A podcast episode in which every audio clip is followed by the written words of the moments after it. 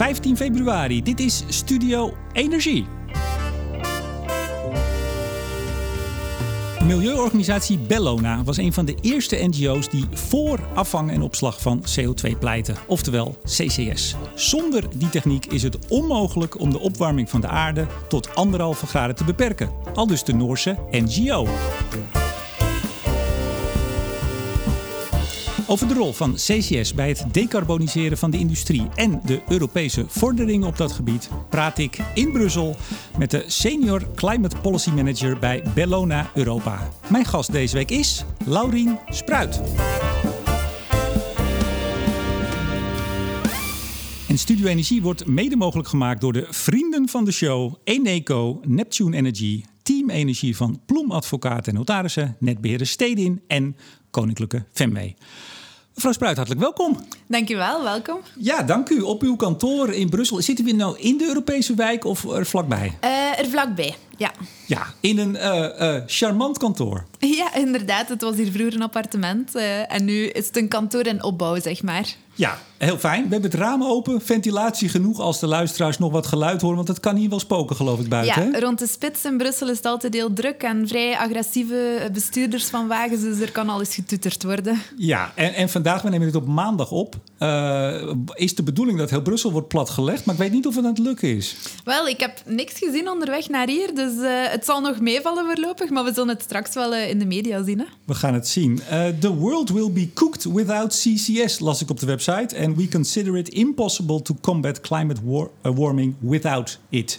CCS. Mm -hmm. Nou, dat is een stevige taal, hè? Ja, ja, absoluut. Dat is heel stevige taal. um, ja, het klopt dat wij als, uh, als NGO zeker CCS als een deel van de oplossing zien. Ik wil het wel kaderen als een deel van de oplossing. Het is niet dat wij enkel voor CCS cheerleaden. Dat is wel de naam die we krijgen, omdat het een controversieel topic is. Maar eigenlijk uh, werken wij met Bellona rond industriële decarbonisatie als geheel. Dus het klimaatvriendelijk maken van de industrie. En wij hebben evengoed experten rond waterstof, circulaire economie, um, directe elektrificatie, carbon accounting op Europees niveau. En wij zien gewoon CCS ook als een deel van de oplossing voor bepaalde industrieën. Uh, maar willen ook niet dat het platgezwegen wordt omdat het controversieel is. Ja, u zegt ook uh, energie-efficiëntie eigenlijk één. Ja. Zo min mogelijk gebruiken. Twee, renewables. Ja. En eigenlijk drie CCS. En ook nog als het over industrie gaat, uh, circulariteit. Circulariteit ook, inderdaad. Ja. U zit ook als beloner in de, de Russian Human Rights, zag ik. Uh, ja, inderdaad. Nou, misschien komen we zo wel wat Bellona. Het is wel interessant. Ik weet niet of heel veel luisteraars Bellona kennen. Misschien de insiders, maar de anderen niet. Maar we komen er straks vast allemaal op. Want de aanleiding dat ik hier zit, nou, het zijn er eigenlijk twee. Vandaag, uh, op, op uh, maandag, uh, presenteerde of lanceerde u, ik weet niet hoe je het zegt, de, een joint call to action. Ik lees me helemaal, helemaal voor. For a strategy on regional CO2 infrastructure in the Netherlands, Belgium en North Rhine-Westphalia. En toevallig Inderdaad, is dat een mond vol.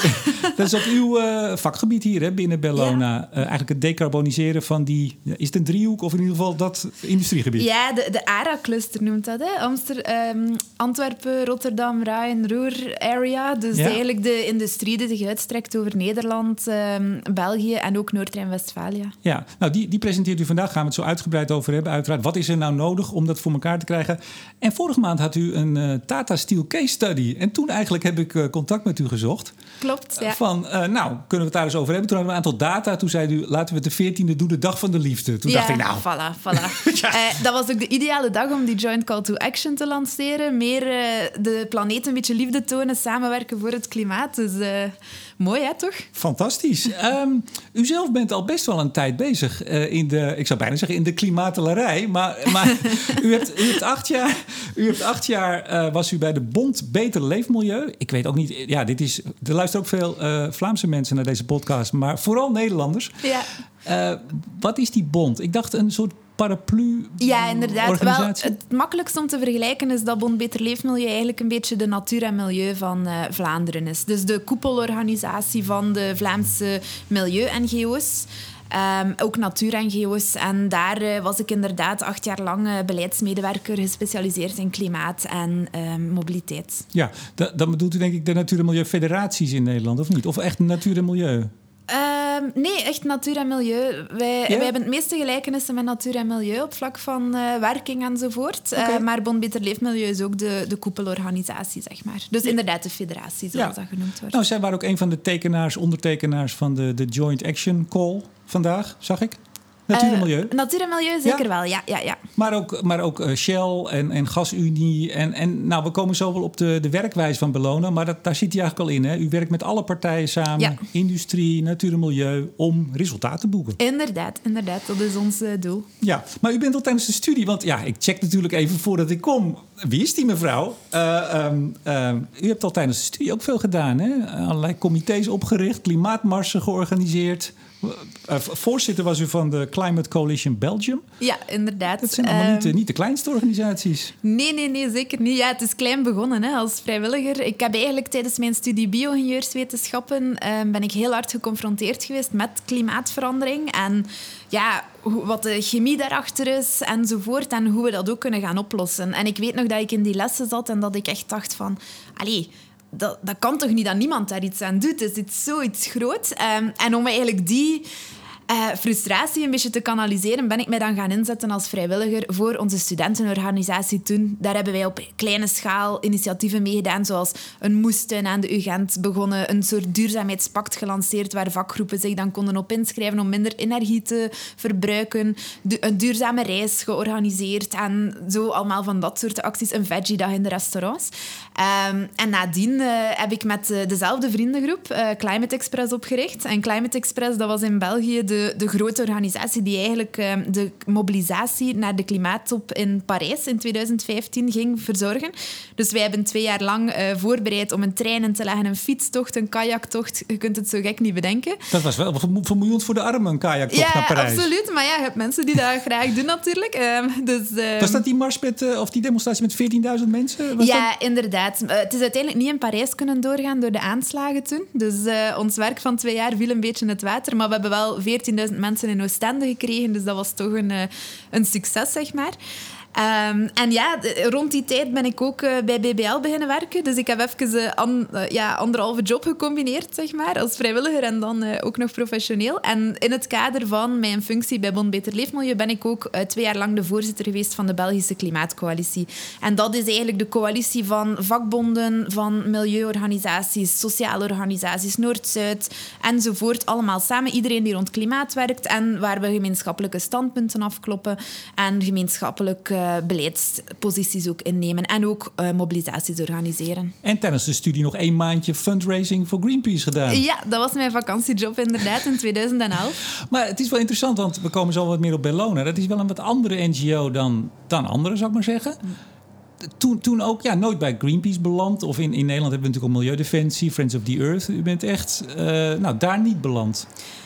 Nee, ik, uh, ja, natuurlijk, hoe gaat dat? Hè? Als je een job krijgt, ik ben bij Bon Beter Leefmilieu beland op een heel toevallige manier. Ik was op, op een feestje en er was iemand die daar werkte en die zei tegen mij, ja, is dat niks voor u, je moet solliciteren. Ik kende de organisatie ervoor niet, maar het is mij heel goed bevallen en ik heb daar acht jaar gewerkt. En dan, ja, is uh, opnieuw daarna, uh, Bellona kende ik ook niet, heb ik ook via via leren kennen en nu werk ik hier. Dus, Ja, en u werd, u werd een bekend gezicht in de Belgische media, zo heet dat, hè? U hebt veel, veel woordvoering gedaan. Ja, ik ben, ik ben acht jaar lang ook woordvoerder geweest. Dus ja, dan verschijnt je gezicht wel af en toe eens op, op televisie natuurlijk. Ja, in oktober bij Bellona begonnen, oktober vorig jaar. Ja. Uh, waarom? Omdat ik, iemand op een feestje vroeg? nee, nee, zo is het niet gegaan. Um, ja, ik, ik heb heel lang rond, um, rond mobiliteit en rond klimaat gewerkt. Maar het was voor mij heel duidelijk dat, um, dat industrie ook voor grote uitdagingen staat. En dat daar eigenlijk heel weinig over gepraat wordt. Nog altijd in het publieke debat. Ik denk dat dat in Nederland wel al anders is dan in België bijvoorbeeld. Oh, maar... u wilt niet weten hoe erg het is in Nederland. maar in België praten wij daar eigenlijk niet zoveel over in het kader van klimaat. Uh, tenzij zo de heel traditionele positie en naam is van industrie, grote vervuilers. Ze moeten het maar oplossen. Maar ik ben bioingenieur van opleiding. Ik heb eigenlijk gestudeerd om ervoor te zorgen dat bedrijven schoner worden. En die link met klimaat interesseert mij dus super hard. En zeker ook de rol die de politiek daar kan in spelen. En dat is echt de reden dat Bellona mij aansprak, omdat zij echt gespecialiseerd zijn in die industriële decarbonisatie. En daar ook een heel genuanceerd uh, verhaal vertellen waar ik mij echt wel kan in vinden. Ja, en een verhaal waar ook dan weer veel kritiek op komt, denk ik. Ja, um, om het even wat je soms zegt, daar krijg je positieve en negatieve reacties op.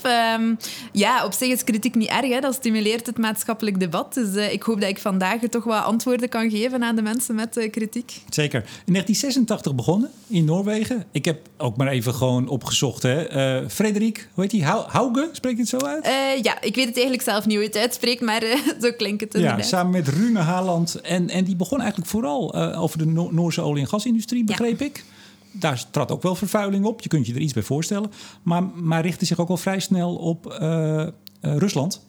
En de, de nucleaire, ja, hoe zou je het zeggen? Nucleaire rommel die ze achterlieten. Uh, rommel is een heel mooi woord, inderdaad. Ja, ja dus inmiddels vestiging in Oslo, is de hoofdvestiging. Moermansk, mm -hmm. Sint-Petersburg, Brussel, nou daar zitten we nu. Ja. Twaalf mensen hier, klopt dat? Uh, ja, klopt. Zoiets, ja. Maar ook Berlijn, ja of nee? Want ik, ik, kom soms tegen dat er een vestiging Berlijn is, maar soms ook niet. Ja, onze kantoor in Duitsland is aan het opstarten. Dus die, die bestaan effectief, maar uh, onze website is daar nog niet op aangepast. Maar binnenkort lanceren we een nieuwe website en gaat dat allemaal heel duidelijk uh, vermeld staan. Ja, nou je hebt al een aantal van de, de onderwerpen net genoemd hè, aan, aan het begin. Maar even die aanpak, want die is wel bijzonder. Samenwerking is daar essentieel in. Absoluut, absoluut, ja. En ook op, uh, op wetenschap gebaseerd zijn natuurlijk. Dus wat Bellona eigenlijk doet, is wij, wij werken samen met um, ook atypische partners, zoals de Joint Call to Action ook laat zien. Hè? Dat we ook uh, met bedrijven en zo samen acties opzetten rond een bepaald, topic waar we dezelfde visie over hebben. Um, en het, het, uh, ja, ik denk vooral in de topics waar we rond werken, hè, dat we een beetje atypisch zijn. Wij proberen heel hard um, te kijken met een, met een wetenschappelijke bril en ook naar wat er nodig is om klimaatverandering tegen te gaan. En we vinden het belangrijk dat er eigenlijk vandaag al emissies gereduceerd worden als dat mogelijk is. En dat we niet wachten tot binnen tien jaar als de perfecte context er is. En zo komen we dan weer op het CCS-debat uit, waar we het ongetwijfeld ook mm -hmm. nog gaan over hebben.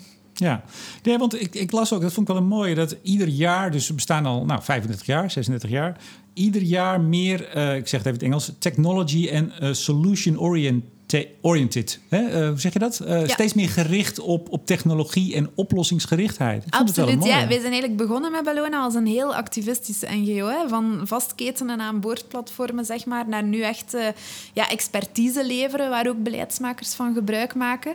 En dat is inderdaad de richting die we, die we inslaan. Um, waarom is dat? Ja, in de tijd dat Bellona opgericht werd, dan was de manier om, om de aandacht te krijgen van de politiek en een topic op de agenda te brengen, uw vastketenen actie voeren en tonen dat er eigenlijk verzet was. Nu hebben we, hebben we zelf een platform dat we kunnen gebruiken um, en zetten we daarop in. Nu natuurlijk, de dag dat er niemand meer naar ons luistert, uh, ketenen wij ons terug vast aan een boorplatform als dat nodig is. Maar zo is een beetje de geschiedenis ontstaan en nu hebben we eigenlijk veel uh, ingenieurs, wetenschappers in ons team die heel technisch mee naar oplossingen kunnen kijken en dat ook op een constructieve manier doen. Want er zijn wel effectief veel spelers de dag van vandaag, uh, nu dat klimaat toch wel in de, in de aandacht staat, die stappen vooruit willen zetten, maar gewoon soms ook niet goed weten hoe er aan te beginnen. Ja, maar ook, uh, ik zag economen werken er, uh, journalisten. Ik weet niet zo goed hoe ik me dat moet voorstellen, maar goed, in ieder geval mensen die, die weten hoe je iets ook naar buiten kan brengen. jullie hebben ook salesmensen, hè? want er moet ook geld binnenkomen. Jullie hebben een aantal, zag ik, filantropische instellingen die steunen, maar mm -hmm. toch ook wel zoeken jullie echt partnerships waarbij, ik geloof, bedrijven kunnen adverteren of zoiets? Ja, dat is het Noorse, onze Noorse okay. organisatie. In, in Bellona Europa zij, hebben we geen partnerships met bedrijven. Mm -hmm. Ja, dat is in Noorwegen ook zo gegroeid, omdat die organisatie daar al heel lang bestaat. En dat dan Bellona inderdaad ook de rol kreeg om te gaan adviseren bij bepaalde um, bedrijven. En zo is dat gegroeid. In Europa is dat nog niet het geval. Hier zijn wij eigenlijk, worden wij eigenlijk gefund door, um, door onafhankelijke investeerders, zoals de European Climate Foundation enzovoort. En ook de Europese uh, Commissie, de ja, EU zelf. Klopt, ja. ja. Is dat ook kritiekpunt of niet? Um, ik zie dat niet als een kritiekpunt. Nee, als we kunnen, de Europese Commissie heeft een ambitieus kader uitgezet. Als we kunnen helpen om dat mee te realiseren, dan uh, doen we dat graag. Ja, nou, ik, ik, las in, nogmaals, ik heb, wat, ik heb heel veel gelezen natuurlijk. Je bereidt je voor. Dat een van de verwijten is, nou ja, Bellona lijkt soms meer een soort consultancy... waar heel veel experts werken die je ook bijna kan inhuren... dan dat het een NGO is. Vindt u dat terecht? Ehm, ik vind dat ergens een compliment. Ik denk uh, als je als NGO echt goede, gefundeerde uh, advies kan geven, dat dat alleen maar een pluspunt is. Want dat is net een kritiekpunt dat NGO's ook krijgen. van jullie weten er niet genoeg van, waar is uw wetenschappelijke achtergrond? Dus als je gefundeerd en op wetenschap gebaseerd advies kunt verlenen en uw campagnes doet, dan is dat een pluspunt, zou ik denken. Ja, ik zag ook dat u samenwerkt uh, soms met partijen die onderdeel van de oplossing zijn en soms onderdeel van het probleem als het maar partijen zijn die de zaak verder kunnen helpen. Dat die is de, de zaak verder kunnen helpen. En dat is een heel belangrijke voorwaarde. Dat is de afweging die we ook maken van gaat deze samenwerking... We werken niet samen voor de samenwerking. Uh, we werken samen om een doel te realiseren. Dat is naar nuluitstoot gaan voor 2050. En als we voelen dat een partner daar stappen mee in de goede richting kan zetten of het proces versnellen, dan gaan we daarmee in zee. Um, dat gaat ook, zoals nu de Joint Call to Action, dat is een tijdelijke samenwerking. Dat, dat wil nu niet zeggen dat wij eh, gebonden zijn aan om het even welke actor voor de rest van onze werking. Maar rond dit specifieke punt van CO2-infrastructuur is het daar. Uh, zien wij dat er veel partijen daar ook vragende partij voor zijn. En dan is het wel sterk om dat zichtbaar te maken. Uh, dat er zoveel havensbedrijven, um, publieke instellingen en NGO's toch ook wel daarachter staan. Ja, ik zag een van de partijen, dat vond ik heel mooi. En uh, luisteraars van Studie kunnen ze kennen. De Carbon Collectors staan er ook op. Klopt, Tussen, ja. alle, tussen alle grote organisaties. en uh, uh, Ludo van Heijften was hier te gast, de CEO, is alweer een tijdje terug. Ze zijn ook flink aan het groeien. Ik vond het erg leuk om te zien dat ze een van die partijen zijn. Ja, ik ook, absoluut. Ja, de grote doet er niet toe. Hè. Elke stem dat, dat een boodschap te brengen heeft, is welkom. Ja, zij komen de CO2 eigenlijk bij je ophalen hè, als industrie met een boot. Ja, inderdaad. Beste luisteraars, als u ze nog niet kent, google even Carbon Collectors en kijk eens even wat zij doen. En kijk misschien ook of je ze uh, kan helpen. Want ze zijn een opstartende uh, jonge organisatie. Ja, ik vind ze heel sympathiek, maar het is wel duidelijk met deze tekst. Even in Brussel, 94 begonnen, zag ik, vestiging. Ver voor uw tijd, maar goed, u weet dat vast. Ik was vijf jaar toen, dus uh, ik heb dat niet beseft. Nee, maar dat was, dat vond ik, dat was op het, in het jaar dat, dat Noorwegen nee zei tegen toetreding tot de EU. En dat was mm. voor, voor Bellona dus het moment om te zeggen... nou, maar nu moeten wij wel in Brussel zitten, want daar gaat veel gebeuren. En daar zijn we dus niet op aangehaakt vanuit Noorwegen straks. Ja, ik denk dat dat inderdaad de redenering moet geweest zijn. Hè? Want zelf, Noorwegen ondervindt ook invloed van de beslissingen van Europa, of ze nu erbij zijn of niet. Dus uh, dat was een slimme zet. Ja, nou, u doet vooral hier transport, um, industriële decarbonisatie, daar komen we al, uh, en negatieve emissies. En dan komen we natuurlijk ook bij de CO2, de, de BECS, de bio-CCS. Ja, dat, dat, is een onderdeel van onze werking, inderdaad, in het CCS-verhaal. Um, klopt. Ja, nou, komen we zo verder op. Nee, het viel me op, want u, u werkt dus als organisatie in meerdere landen, ook in, ook in Rusland. Vind ik trouwens wel bijzonder, zeker dat uh, mensenrechtenaspect. Uh, dat is wel echt uh, in, de, in de loopgraven zitten om in Rusland ook voor mensenrechten, voor milieuactivisten. Hè. Jullie, jullie juristen ondersteunen daar Russische milieuactivisten. Dat lijkt me geen makkelijk. Het is even een zijstapje hoor. Maar dat lijkt me geen makkelijke. Nee, maar, maar absoluut. Maar dat is natuurlijk ook omdat uh, via de acties, zeker als het rond het nucleair afval ging, mijn collega's in no Noorwegen geconfronteerd zijn hè, met die beperkingen op vlak van mensenrechten. En dat dan natuurlijk dan aanleiding heeft gegeven tot het ondersteunen ook van groepen die zich inzetten voor gelijkaardige doelen. Het is een ganz andere context als in, als in Europa. Dus uh, daar zijn ook andere noden en zijn andere, andere behoeftes moeten ingevuld worden. En vandaar, ja. Ja, nee, je, je kunt iets vinden van een situatie in een land verderop, maar je kunt er ook gaan zitten en er iets aan proberen te doen. Dat is wel Absoluut, bijzonder. Ja. Um, CCS, moeten we nog uitleggen wat het is, vindt u? Ja, dat kan geen kwaad. Nou, Zodat iedereen, je weet nooit of er nieuwe luisteraars zijn, dat iedereen weet. Hè? Zeg eens wat CCS is. ja, bij CCS, dat is uh, Carbon Capture and Storage. Dus de naam zegt het zelf. We gaan eigenlijk bij de uitstoot van productieprocessen de CO2 gaan afvangen. En die dan gaan, um, gaan transporteren naar eigenlijk de lege gasvelden in de Noordzee, waar die dan veilig onder de grond kan gestopt worden en dus niet in de atmosfeer komt en op die manier dus ook niet bijdraagt aan het broeikaseffect dat eh, de, de opwarming van de aarde veroorzaakt. Ja, nou, het klinkt simpel.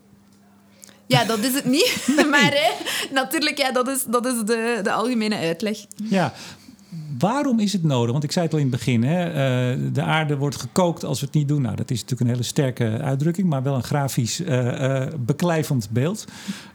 jullie zeggen echt van als we het niet doen, ja, vergeet het dan maar. Die, die, die, die anderhalf graden kan je vergeten, maar misschien de twee graden zelfs ook wel, weet ik niet ongeveer.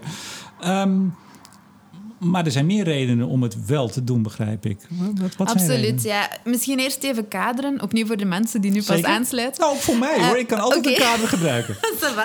dus um, ja, als we gaan kijken naar hoe gaan we die industrie nu gaan decarboniseren, dan heb je eigenlijk verschillende opties. Je kan gaan opteren voor zoveel mogelijk energie-efficiëntie. Dat is eigenlijk altijd de eerste stap. Als je geen energie moet verbruiken, doe het dan niet, maak je processen efficiënt. Um, een tweede stap is dan overschakelen naar hernieuwbare brandstoffen. Uh, naar hernieuwbaar, uh, hernieuwbare brandstoffen, naar hernieuwbare ja. energie. Ja. Excuseer. Um, en dus vanuit zon of wind enzovoort. Um, een, een, volgende stap is ook kijken naar uh, circulaire economie. En voor ons is CCS gewoon een van die stappen van de zaken die je kan doen. En eigenlijk heb ik het verkeerd voorgesteld door te praten over stap 1, 2 en 3. Eigenlijk vinden we dat op al die domeinen moet ingezet worden. En als we gaan kijken naar um, bijvoorbeeld de cementindustrie is een heel goed voorbeeld. We hebben ook meegetekend aan de brief Klopt, vandaag. inderdaad. En dat is niet toevallig, want voor cement, als je eigenlijk naar nuluitstoot wil gaan, zijn er vandaag de dag nog geen andere oplossingen dan eigenlijk je CO2 te gaan afvangen. Dus zeker voor die bedrijven is het belangrijk dat ze dat kunnen doen en dat ze ook de infrastructuur uh, ter beschikking krijgen om vanuit naar die uh, lege gasvelden te geraken. Hè. Denk aan de cementindustrie in Wallonië. Die moet uh, helemaal in Nederland geraken. Daar speelt volgens ons de, de overheid een rol om die infrastructuur te voorzien. Wat een ander probleem is, is met groene waterstof. Opnieuw, wij zijn absoluut niet tegen waterstof. Maar wat we vandaag wel merken is dat er nog niet in voldoende mate hernieuwbare elektriciteit voorhanden is om te gaan zorgen dat we daar nu al emissievrij kunnen op gaan overschakelen. En voor ons is het heel belangrijk als er vandaag subsidies gegeven worden, als bedrijven vandaag zeggen we gaan investeren voor nuluitstoot, dat dat dan ook echt een nuluitstoot is en niet in het potentieel op nuluitstoot. En dan denk ik bijvoorbeeld aan de staalindustrie. Eh, kijk, wij hebben eerlijk gezegd geen voorkeur of het nu CCS is of groene waterstof, maar wat wij belangrijk vinden is, bij, als indien er voor een DRI met groene waterstof geopteerd wordt, dat er ook wel een plan is van waar gaan we die waterstof gaan halen. En dat het niet gewoon is van we, we zetten een, een DRI-installatie. Voor de duidelijkheid, dat is een installatie waarbij je staal met waterstof gaat produceren uh, in plaats van met kool. Ja, alle, alle luisteraars hebben uiteraard geluisterd naar de aflevering met Hans van den Berg van Tata Steel. Maar inderdaad, heel goed. voor, voor het geval ze het niet gedaan hebben, kunnen ze nog even luisteren. Ja. Want dan komen we ook meteen op die case study die u Klopt, vorige maand inderdaad. presenteerde. Um, hydrogen use in steel, Tata Steel, the Netherlands. Uh, u twitterde daarover. Er staat een, nou, het is een, een handzame case study. Althans, die u gepubliceerd heeft. Hè. Mm dus er mm vast, vast nog veel meer achter zitten. Maar wat, wat. Nou, laat ik zo zeggen. Ik heb hem gelezen natuurlijk. En wat, wat is eigenlijk de conclusie van de case study? Mm. Ik denk dat uh, ik vind dat die case study heel duidelijk toont hoe wij als Bellona naar het industrieel debat kijken.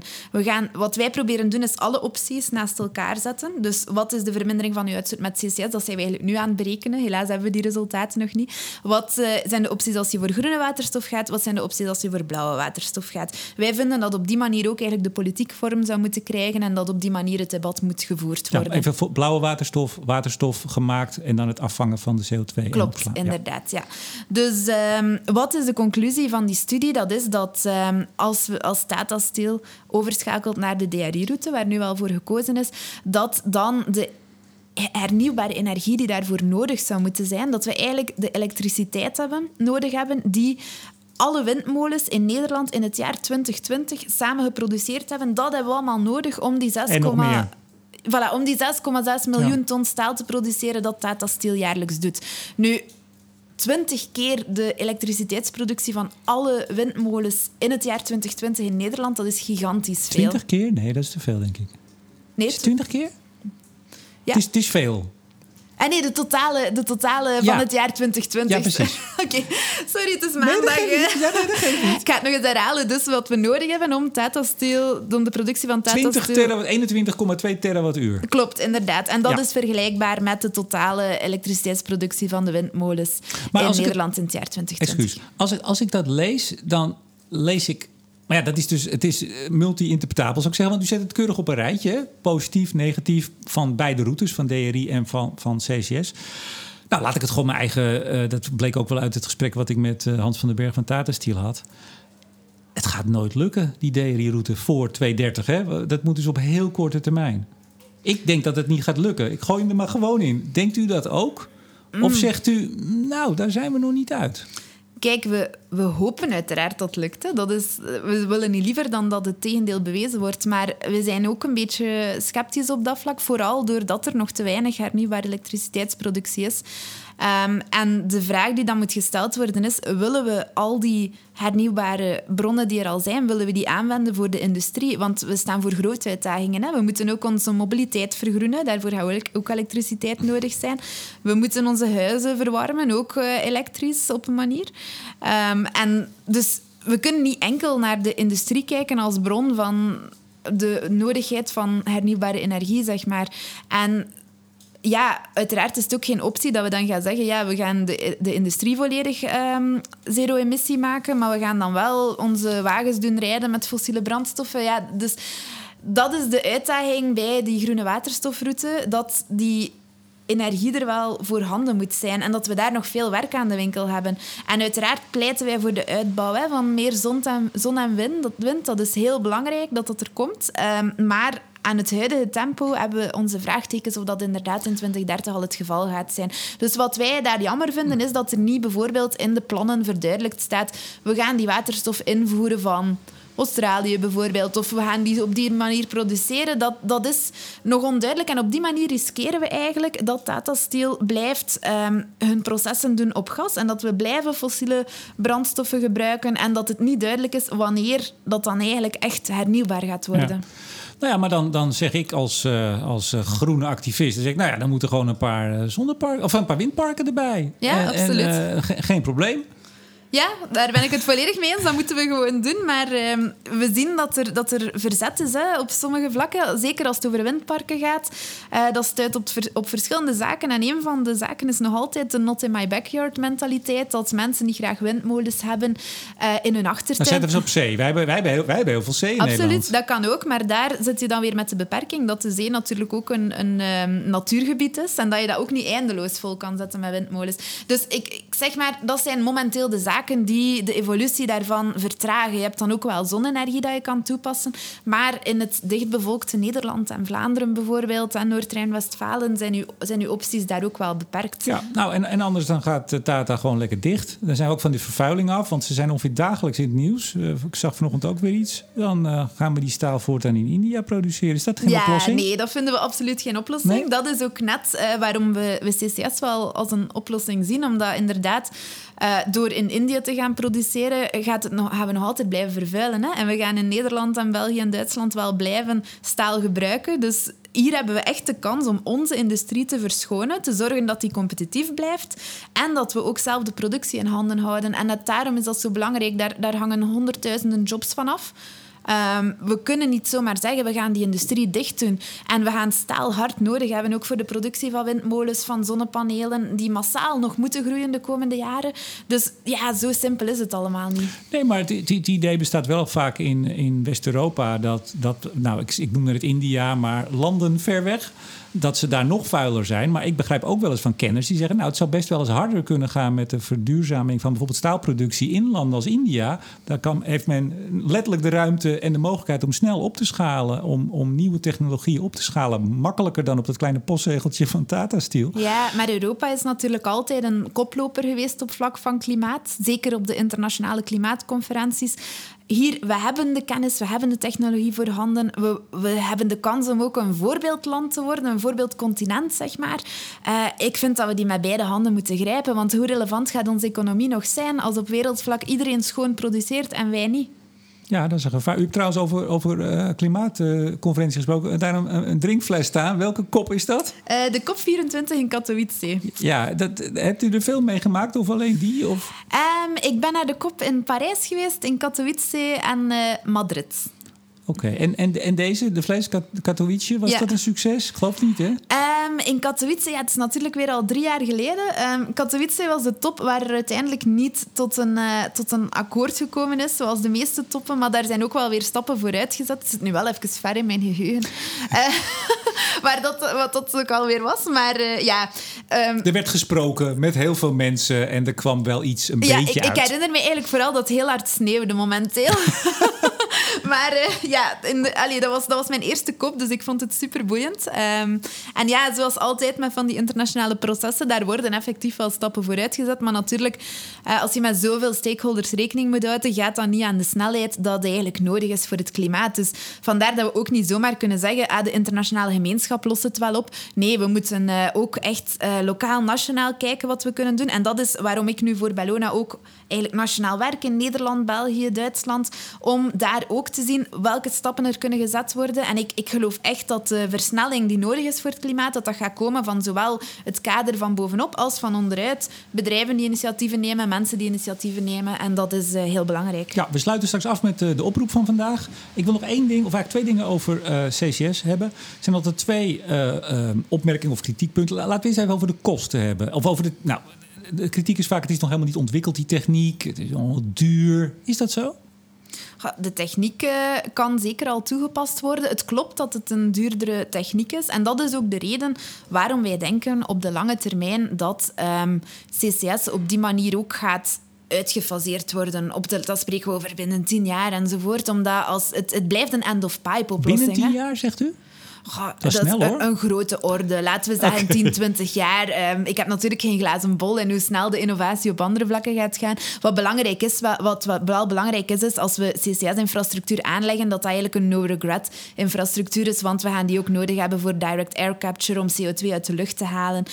Um, dit even als een zijsprong. Zeker. Nu ben ik mijn draad kwijt. Waar, waar was of mijn het, draad? Of het, duur, nou, of het een uitontwikkelde technologie is, ja. of het duur is. Inderdaad. Um, en daarom ga, allee, het, blijft een end-of-pipe oplossing. En zoals ik in mijn bioingenieurcursus heb geleerd, end-of-pipe oplossingen, als je het vooraan in de keten kan doen, is het altijd beter.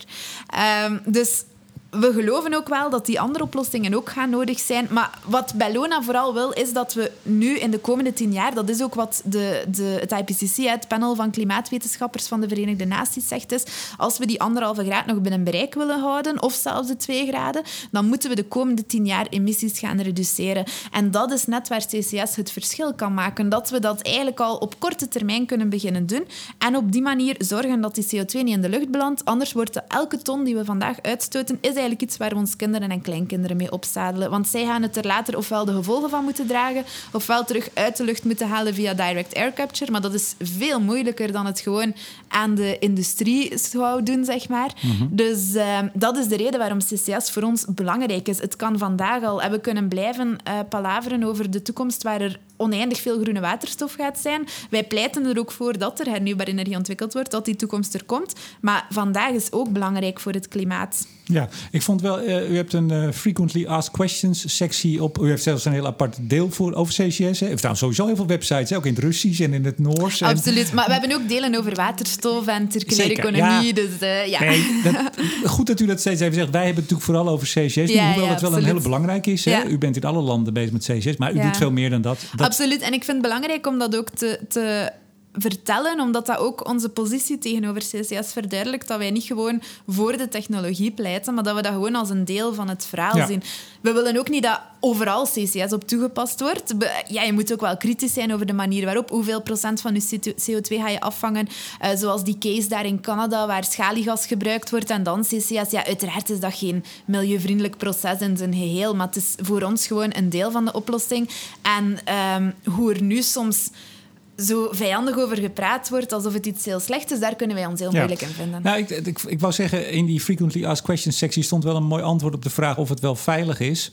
Nou, daar staat een vrij keurig antwoord. Eh, nou ja, hè, eh, 100% garantie is er niet. Nee, dat is er nooit. Dat zult u als bio-ingenieur ook eh, eh, beamen.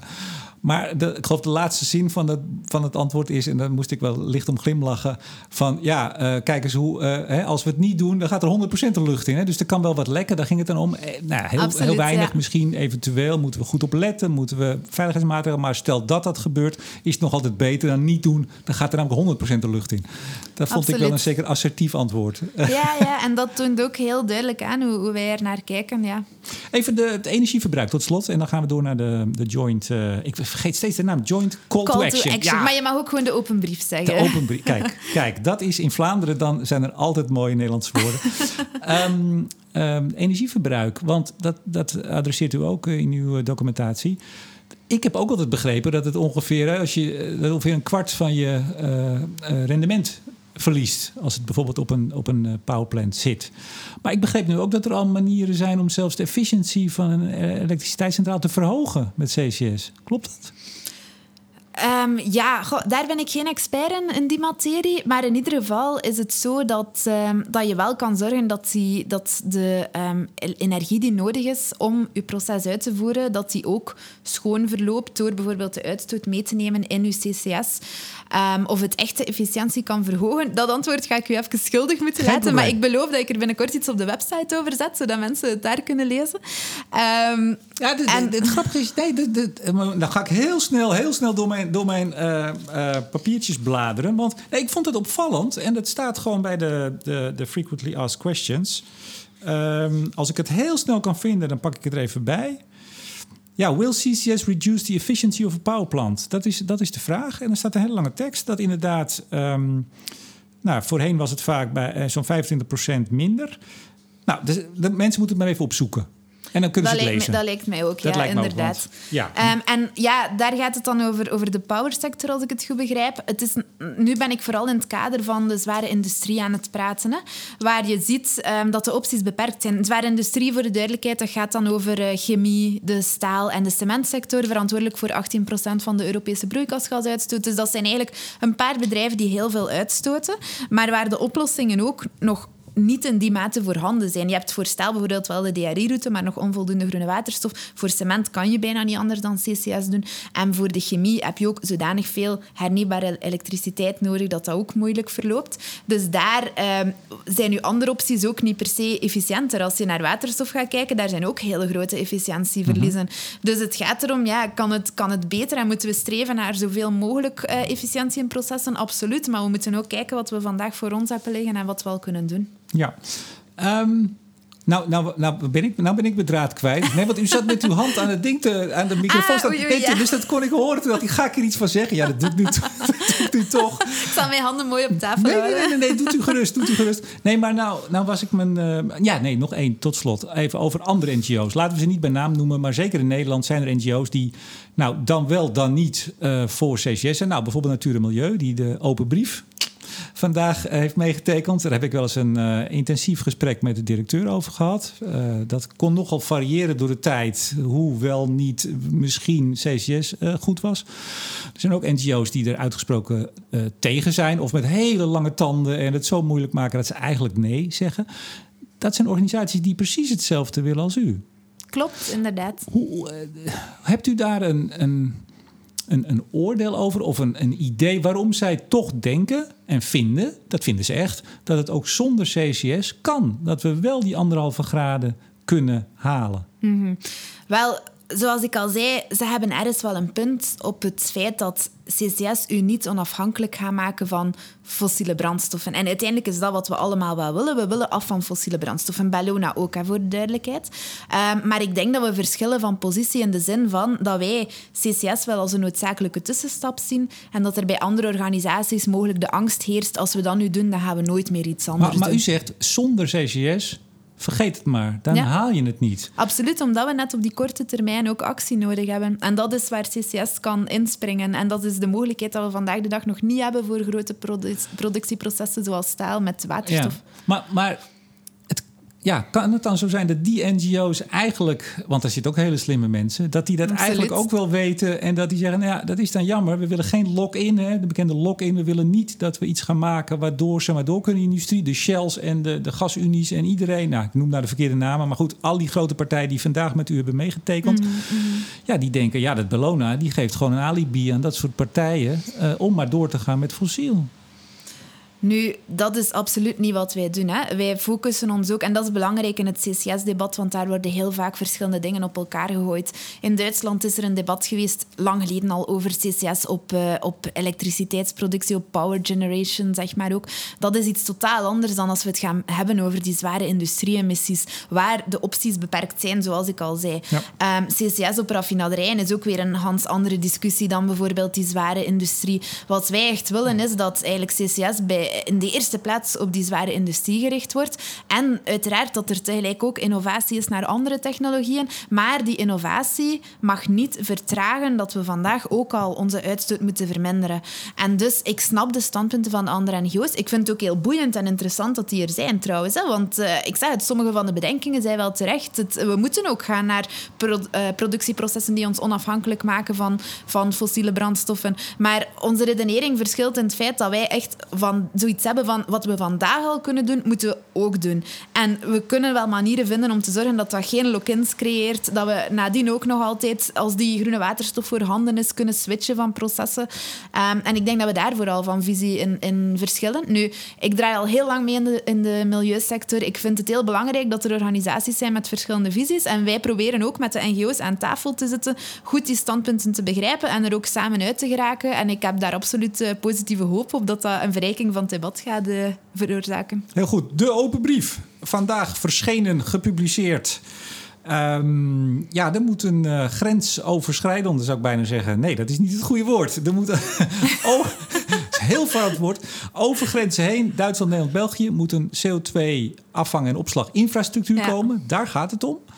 Um, om te zorgen dat, uh, u had het al over het ARA-gebied, hè? Mm uh, Antwerpen, Rotterdam, de Rijn, Roer. Et cetera. Um, u zei het 18% van de uitstoot.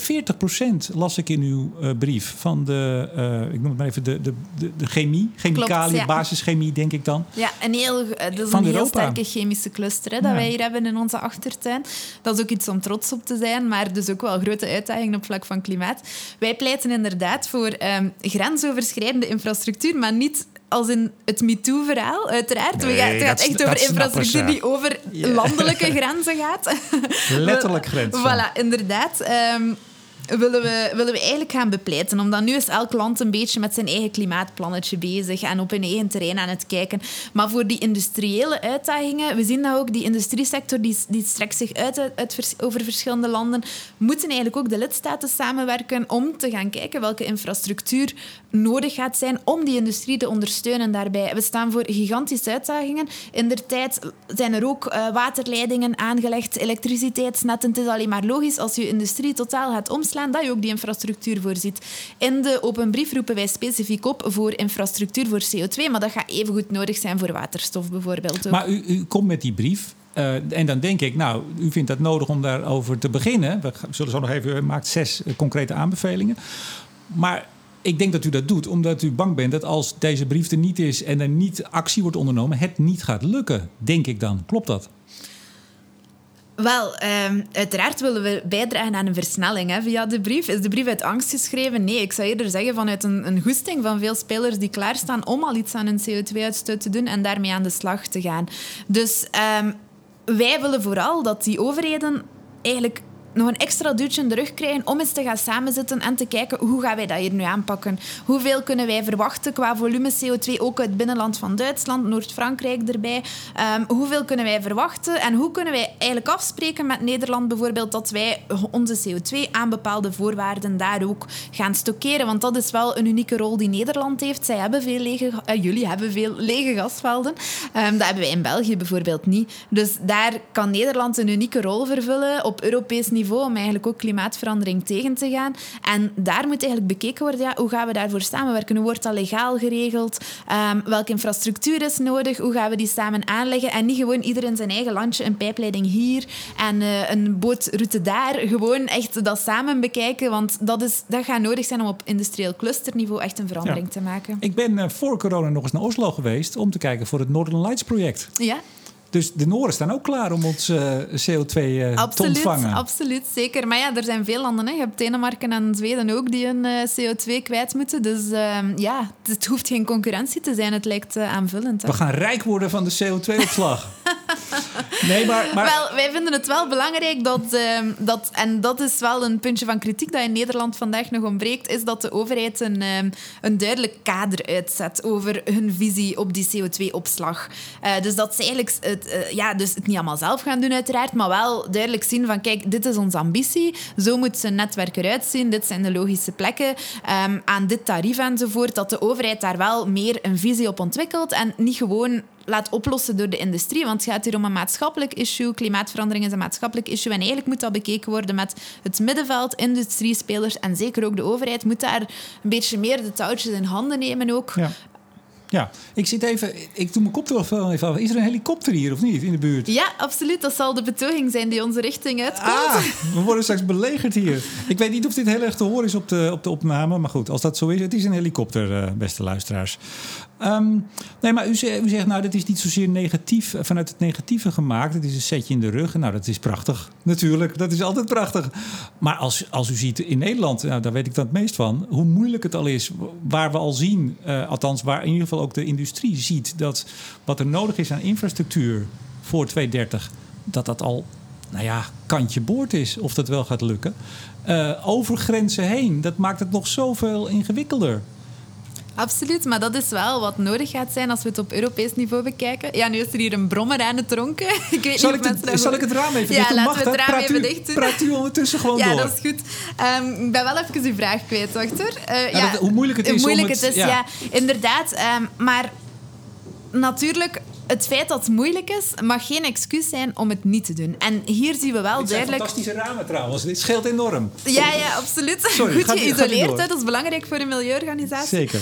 Um, ja, het, dat het complex is, Zeker en vast. Maar zoals ik al zei, de mensheid heeft wel bewezen dat ze meer complexe zaken aankunnen. Dus het is niet onoverkomelijk. En dat is net wat wij met deze brief willen vragen. Kijk, uh, zet u eens samen en bekijk het eens samen. Momenteel gebeurt dat te weinig. Dus gewoon al de actie doen van het op de agenda te plaatsen en het samen te gaan bekijken, kan al een verschil maken. Maar dat zouden ze zelf toch ook kunnen bedenken al? Daar hebben ze toch uw brief niet voor nodig? Dat is waar, maar soms, soms, is een vriendelijk duwtje in de rug nodig om de politiek uh, tot actie aan te zetten. Er zijn zoveel dossiers die zo belangrijk zijn dat uh, ja, een extra aanmoediging geen kwaad kan. Ja, gaat die meneer met die brommer nog weg of niet? Of kent u hem? Of, geen, of geen idee. Ik ken hem zeker niet. Uh, maar uh, ik, ik, denk dat hij nu wel aan het wegrijden is. Goed zo. Eh, punt 1. begin een cross-border CCS infrastructuur werkgroep. Ja. Die is er nog niet, denk ik dan?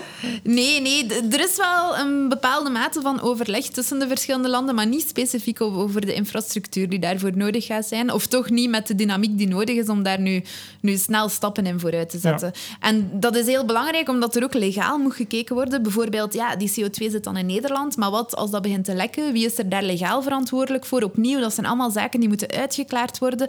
Dat zijn voor mij um, uitdagingen, maar niet per se onoverkomelijke moeilijkheden. Daar moet gewoon eens de tijd genomen worden om zich daarover te, bu te buigen, um, daar een akkoord over te stellen en dan kan er begonnen worden. Hè? Ja, er moet een framework komen, zoals het heet, Absoluut, een juridisch kader. Zeker, er ja. moet een, uh, ja, een framework gedefinieerd worden, ik zei het al. Um, financiering natuurlijk, daar ja. moet ook een framework voor. Er komen overal frameworks voor ja, komen. frameworks zijn goed, hè? maar ze moeten natuurlijk ook wel tot actie overgaan. Het mag niet bij een framework blijven. Ja, wat, wat betekent, als ik het goed vertaald heb, het erkennen en standaardiseren van een multimodale en multifunctionele, het multifunctionele karakter van de CCS? Ja, ja dat, dat is een typische verwoording dat je krijgt in brieven met veel stakeholders. Ja. Uh, wat we daar vooral mee bedoelen is het belangrijk dat, uh, dat, we, dat we zien dat er meerdere oplossingen zijn. Je kan CO2 met een pijpleiding vervoeren, maar je kan dat ook met de trein doen of met de boot bijvoorbeeld. Carbon collectors. Voilà, Kijk. voilà kijk daar. Um, en ook uh, ja, het, het feit dat je die infrastructuur zodanig moet maken dat, um, dat ze ook future-proof is. Dus wat ik al zei, bijvoorbeeld, dat als, als, als we eerst CCS doen en dan beslist een bedrijf toch om op een andere technologie over te gaan, dat die, dat die infrastructuur kan gebruikt worden voor direct air capture om eigenlijk CO2 uit de lucht te gaan halen. Ja. Of we moeten misschien ook wel eens gewoon accepteren dat we ergens geld in stoppen en iets aanleggen en dat het dan gewoon niet meer gebruikt kan worden. Ja, maar dat zou zonde zijn. In het geval van CCS is dat zeker niet nodig. Daar kunnen we absoluut er een toekomstverhaal aan hangen. Even kijken, punt 6. Verzeker dat infrastructuur kan worden uitgebreid naar andere industriële clusters. U gaat ook op de groei natuurlijk. Ja, ja, absoluut. Uh, kijk naar Duitsland. In, in het binnenland van Duitsland is er ook heel grote industrie. Die weten ook niet waar ze naartoe moeten met hun CO2. Dus op zich is een verbinding met die, met die industriële clusters ook zeer belangrijk. Hetzelfde met Frankrijk trouwens. Ja, nou, er moet ook van alles nog gebeuren met het Londen, de Londen ja. uh, wat is het, Convention. Ja, inderdaad. Wat moet daar gebeuren? Uh, ik denk dat vooral Duitsland is dat dan nog moet tekenen. België en Nederland hebben ja. het geratificeerd. En dan moeten er ook bi... Um, hoe zeg je dan nu weer? Bi, ja, contracten tussen de landen Ja. bilaterale Bilateraal, overeenkomsten opgesteld worden. Ehm, want dat is ook nodig om legaal CO2 te kunnen vervoeren over de grenzen. Ja, want er wordt natuurlijk al gewerkt. Ik was nog niet zo lang geleden bij een gedeputeerde in Limburg. Die heel erg bezig zijn, natuurlijk het, het chemisch cluster in Limburg. Om daar, eh, ik zeg maar, pijpen en kabels en alles naartoe te krijgen. Om zaken aan te voeren. eh, of via Rotterdam of via Antwerpen. En weer eh, af te voeren naar de Noordzee. Ja, dat is nog allemaal niet zo makkelijk. Hè? Daar hebben we lang over gesproken ook met de gedeputeerden. Het is, eh, het is taaie kost. Ja, ja, absoluut. En net omdat het taaie kosten is, is het goed om er vandaag al aan te beginnen. Hè, dat er sneller resultaat is. Ja, gisteren, hè? want ik bedoel, eh, voordat die pijpen er liggen en die infrastructuur er is, dan zijn we zo, zijn we zo tien jaar verder. Absoluut, absoluut. Vandaar eh, dat wij ook dat extra duwtje in de rug geven. Ja, Die- u hebt hem nu gep- gepubliceerd. Ehm, nou ja, iedereen kan hem lezen. Ga kijken bij bellona.org. Slash, nou, daar vinden ze hem wel, hè? Hij staat bovenaan, geloof ik. Ja, ja, inderdaad. Ja. Maar hebt u hem ook ergens aangeboden? Of hoe gaat hij verder? U zit vlakbij. eh, Wij hebben eh, de betrokken ministers ook gecontacteerd eh, met de vraag om, om daar een reactie op te geven. Ja. Maar eh, ik, achter de schermen kan je soms al weten dat ze dat gaan doen. Of is het echt meer gewoon van, nou, we hebben hem gemaakt hier over de schutting, zoals we dat zeggen. En we zien het wel. Goh, we merken dat, dat de intentie er zeker is, maar om het echt in de praktijk te brengen, hopen wij dat we toch dingen in gang kunnen zetten via deze actie. Ja, want ik was ook, ook nog niet zo lang geleden. Ja, ik, ik moet overal naartoe, eh, mevrouw Spruit. Eh, bij Diederik Samson, de, de kabinetchef van Timmermans. Hoe, hoe, hoe valt dit daar? Hoe is men daar bezig? Niet zozeer zij persoonlijk, maar hoe is het de Europese Commissie bezig met dit soort zaken? Ja, gelijkaardige debatten zijn ook bezig op Europees niveau, zoals je ook op nationaal niveau hebt, over industriële decarbonisatie en waar eh, wordt er heel sterk op ingezet. We zien dat er heel veel aandacht gaat naar waterstof. Opnieuw, dat is goed. Ehm, bij CO2 is dat in mindere mate, alhoewel dat nu in bepaalde regelgevingen er wel gekeken wordt naar hoe kan je, dat, eh, hoe kan je CO2 gaan transporteren enzovoort. Ehm, maar daar zien we ook dat, dat waterstof momenteel echt een hype is, eigenlijk waar veel mensen op springen. Opnieuw niks tegen waterstof, maar wij Nou, wel tegen de hype. Wat? Niet tegen waterstof, maar wel tegen de hype. Ja, wel, tegen, tegenover het even welke hype. Wij hebben zoiets van, kijk gewoon wat er nodig is, wat we vandaag al kunnen doen en laat ons eh, zo naar de, naar de beste oplossing kijken. Er is niet één technologie die alles gaat oplossen. Hè? Dus eh, we moeten dat genuanceerd debat ook kunnen voeren, ook in Europa, waar er ook veel tegenstand is tegen CCS, die niet altijd op de goede argumentatie gebaseerd is, volgens ons. Volgens mij had Duitsland het ook al afgezworen, hè? van dat gaan we niet doen. Ja, toch zien we bij Duitsland wel eh, veranderingen nu ook met de nieuwe regering. Er is nu wel een opening voor negatieve emissies enzovoort. Dus die context is ook wel aan het veranderen. Hè? Ja, maar, maar stel nou, dit lukt niet. Ik ben toch even, ik ben altijd heel positief, maar ik ben nu ineens heel negatief. Stel, dit lukt niet. De industrieën waar we het hier over hebben, die vallen onder het ETS. Die gaan uiteindelijk naar nul. In 2050 zijn er geen rechten meer. Links op rechtsom, wat ze ook doen, dat kan dan niet meer. Dus waarom hebben we het eigenlijk dan nog nodig? Ze, ze zoeken het maar uit. Ja, ze zoeken het maar uit, maar weet je, dat is de, het ETS heeft, eh, het gaat nu wel aangescherpt worden, dus dat is een andere context. En we geloven dat die koolstofprijs ook effectief zijn werk gaat doen. Maar ehm, ja, dan nog moet er eigenlijk een, een, een push zijn, zeg maar, om de goede technologieën te gaan aanpassen. Hè?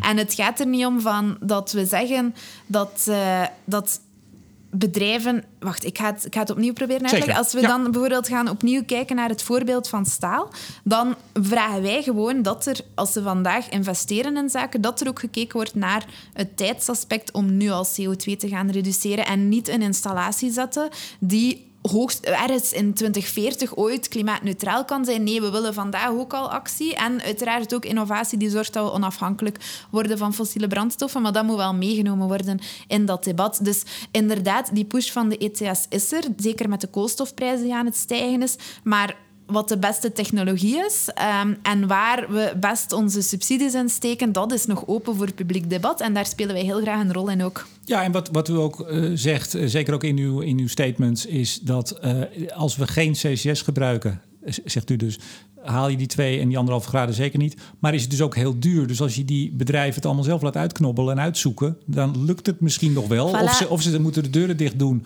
of ze gaan het zelf doen. Maar dan is het veel duurder dan dat je een gemeenschappelijke over de landen heen infrastructuur hebt. Absoluut. En dat is opnieuw een pleidooi voor, voor samenwerking op deze Valentijnsdag, dat ook nodig gaat zijn voor het klimaat en zeker voor de industrie. Ja, en het laatste argument, dat vond ik nog wel een mooie. Dat, dat hoor je in Nederland uh, niet zo vaak. Nogmaals, ik ben een keer naar Noorwegen geweest. Daar heb je ook een hele andere sfeer als het over dit soort onderwerpen gaat. En nou, niet voor niks is Bellona een Noorse organisatie van oorsprong. Maar u zegt ook, als we geen CCS doen, dan vervreemden we een aantal potentiële medestanders hiervoor. En dan denk ik dat u de industrie bedoelt.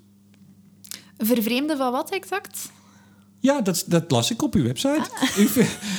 ik de tekst moeten lezen om de context te ja, snappen. Ja, u, bent, pas, u bent nog niet zo lang hier, dus dat vergeef ik u allemaal. ik heb nog niet alle teksten op de website uh, uit mijn hoofd Nee, maar dat je bepaalde partijen die, uh, als je dus heel mordicus tegen CCS bent... Ja, dan vervreemd je partijen van je... met wie je toch misschien samen ja, ik meer denk resultaat dat daar de cementsector opnieuw een heel goed voorbeeld is. Hè. Als je gewoon blijft zeggen, je moet klimaatneutraal worden... maar je mag geen CCS gebruiken, hoe gaat de cementsector dat doen? Dat is, niet, dat is niet duidelijk voor mij. En dan zijn er natuurlijk de partijen die zeggen... ja, maar misschien hebben we dan geen cement meer nodig... maar moeten we alles in hout doen. Om eerlijk te zijn, ik heb mij heel lang verdiept in het biomassa-verhaal. Uh, u hebt uh, in de studie veel lifecycle-analyses gedaan, ja, toch? voilà, inderdaad. Ja. En zo evident is dat ook niet. Als we gewoon gaan zeggen vandaag op morgen... we bouwen nu alle huizen in hout en niet meer in cement... dan gaat er gigantisch veel druk op de bossen... die al heel erg onder druk staan, hmm. komen te staan. Dus ja, het, het is, klimaatverandering oplossen is een complex probleem met heel veel gelaagdheden. Dus waar wij voor oproepen is, laat ons dat ook zo behandelen en niet vasthangen in um, idealen, maar echt kijken naar de realiteit. Wat hebben we nodig? Is het realistisch dat wij in 2050 geen cement meer gaan nodig hebben? Ik geloof dat dat niet 100% realistisch is. Hoogstens gaan we wat minder cement nodig hebben, maar dan nog gaat die ook klimaatneutraal moeten zijn. En daar is CCS bijvoorbeeld een oplossing. Als je die bedrijven niet meetrekt op een constructieve manier in het debat over nuluitstoot, dan verlies je gewoon partners die potentieel wel een groot verschil kunnen maken qua uitstoot en ook nog eens jobs leveren in Europa en um, ja, materialen die we zelf in handen hebben. Nou, precies, zo staat het op de website. Dus u, u, weet, u weet het precies. U weet het precies. Tot slot, we, we, gaan afronden. Maar u hebt nu, uh, nou niet alleen heel veel Vlamingen, maar die kennen u al lang. Maar heel veel Nederlanders ook. Hebt u nog iets? Hebt u nog een verzoek aan ze? Of een oproep? Of een, een hart onder de riem? U, u mag gewoon wat u wil uh, nu tot slot nog even kwijt aan de luisteraars. Wow, um, ja, dat is een grote vraag. Ja, ik zou, ik zou zeggen... En ik overval u er ook mee. Ja, we hebben dit allemaal niet afgesproken. Nederland, dus. uh, welkom. Ik hoop dat ik jullie nog hoor op, op programma's, want ik heb heel veel goesting om, uh, om meer te leren over, over het voorbeeldland dat Nederland wel is op vlak van industrie. En ook om via Bellona het debat te verrijken met onze, onze inzichten en kennis. Dus ik hoop tot binnenkort en niet tot ziens. Ja, nou, ga naar de website bellona.org. Daar vindt u ook de contactgegevens van, van mevrouw Spruit. makkelijk te vinden zelfs telefoonnummer, e-mail. Dus als ze u willen benaderen, en dat wilt u graag. Absoluut, ja. Als ze maar iets bijdragen hè, ja. aan de oplossing. Maar, maar niet om zes uur s ochtends, hè, want dan, dan slaap ik nog. Dat, dat, dat doen wij niet. Laurien Spruit, Senior Climate Policy Manager bij Bellona Europa. Hartelijk dank voor het gesprek. Dankjewel, Remco. En uiteraard bedank ik ook jullie, beste luisteraars. En in het bijzonder, jawel, alle vrienden van de show. Waaronder Eneco, Neptune Energy, Team Energie van Ploem Advocaten Notarissen, Netbeheerder Stedin en Koninklijke Femway. Tot zover. Mijn naam is Remco de Boer. Graag tot volgende week.